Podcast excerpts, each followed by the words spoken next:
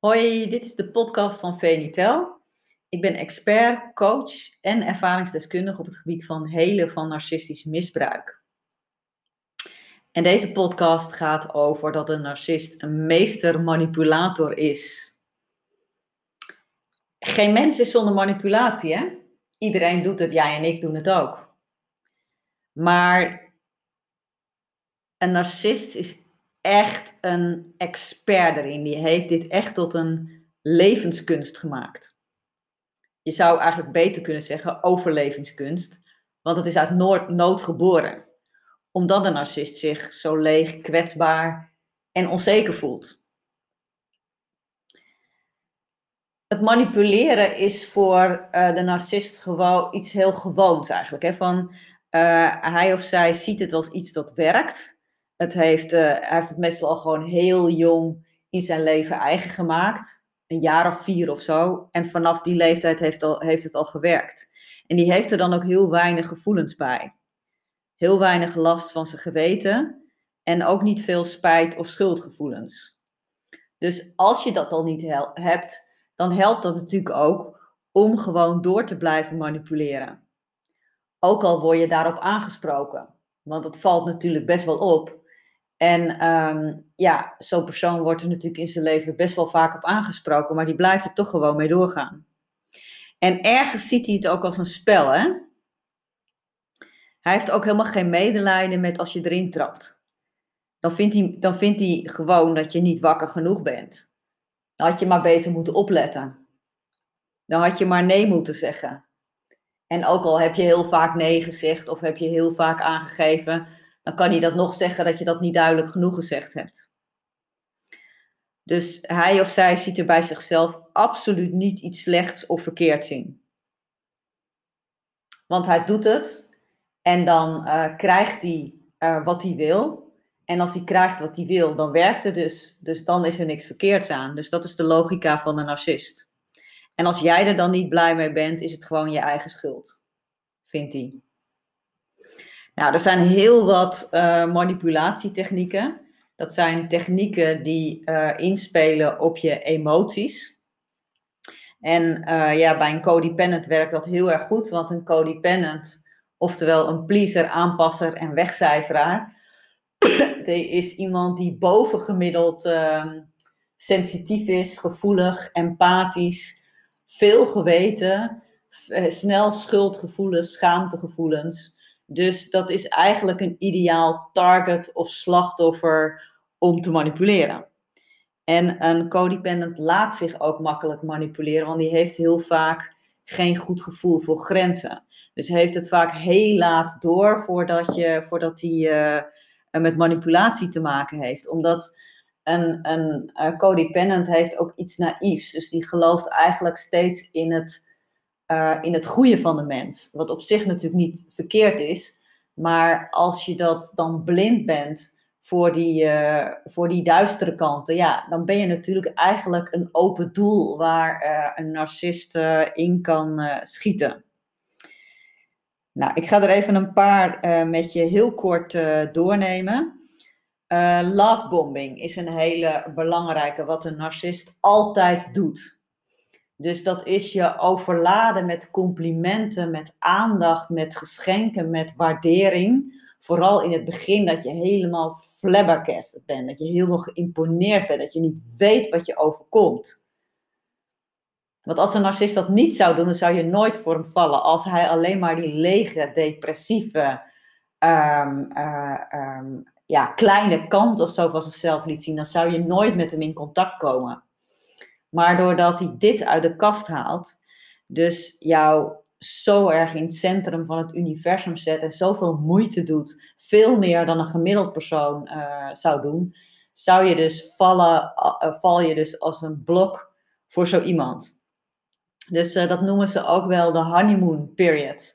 Dus dat die eerste periode, dat lijkt wel een hele lange huwelijksreis. Is een beetje vergelijkbaar met uh, Loverboy die dat doet. Hè? Dus die, zet, uh, die legt die jonge tiener, tienermeisjes, die, daar jaagt hij op. En die legt hij ook helemaal in de watten en koopt dure geschenken voor uh, hun.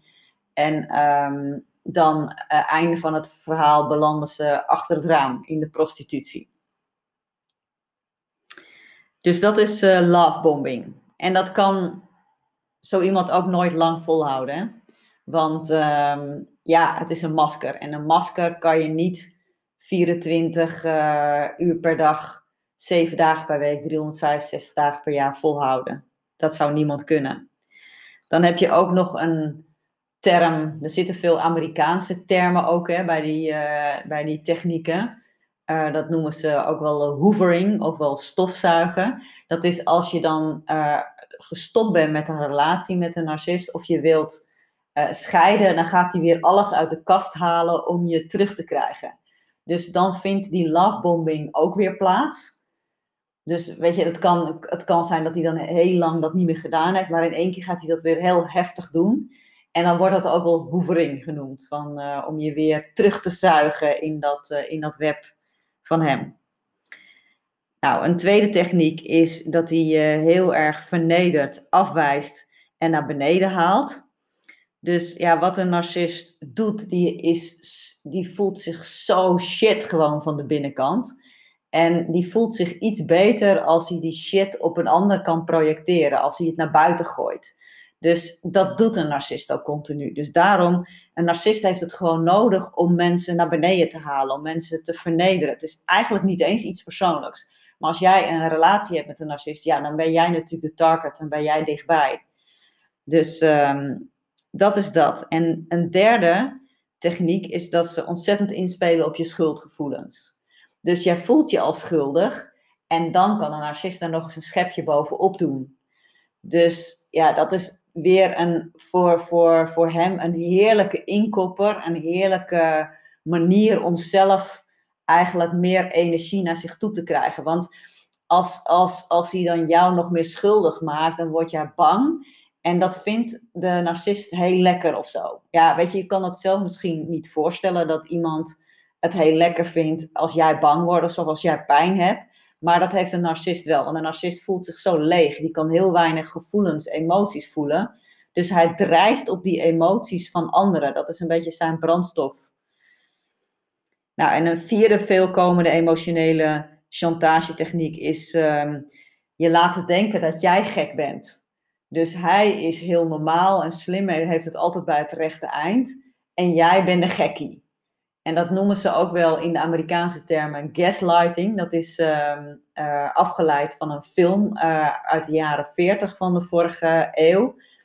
Eh, waarbij een, ja, een, een narcist, psychopaat zou je nog beter kunnen zeggen. Die leidt een vrouw helemaal om de tuin en pakt haar helemaal in. En dan is het verhaal ook dat hij bij haar een ehm, ja, uh, waardevolle juwelen wil, uh, wil stelen die in haar uh, huis liggen. En daarvoor maakt hij er helemaal gek met allerlei, um, nou, met allerlei technieken. Het is moeilijk uit te leggen, je kunt het eigenlijk beter zien. En um, ja, daar kun je dus gewoon echt letterlijk gek van worden. Als een narcist je zo subtiel gek probeert te maken. Nou, ik heb, deze, ik heb hier ook een uh, uitgebreide YouTube-video uh, over gemaakt. De vier emotionele chantage technieken van de narcist. Dus ik nodig je ook uit om daar even een kijkje te nemen. Als je nog meer uh, daarover wil weten. Ja, en vond je dit nou een waardevolle podcast? Dan zou ik het heel erg op prijs stellen als je even abonneert. Dus voor jou ook heel goed, want dan krijg je direct een melding als er een nieuwe podcast klaar staat kan het ook waarderen als je een like geeft of een opmerking maakt. En ik zie je heel graag weer bij een volgende podcast. Doei!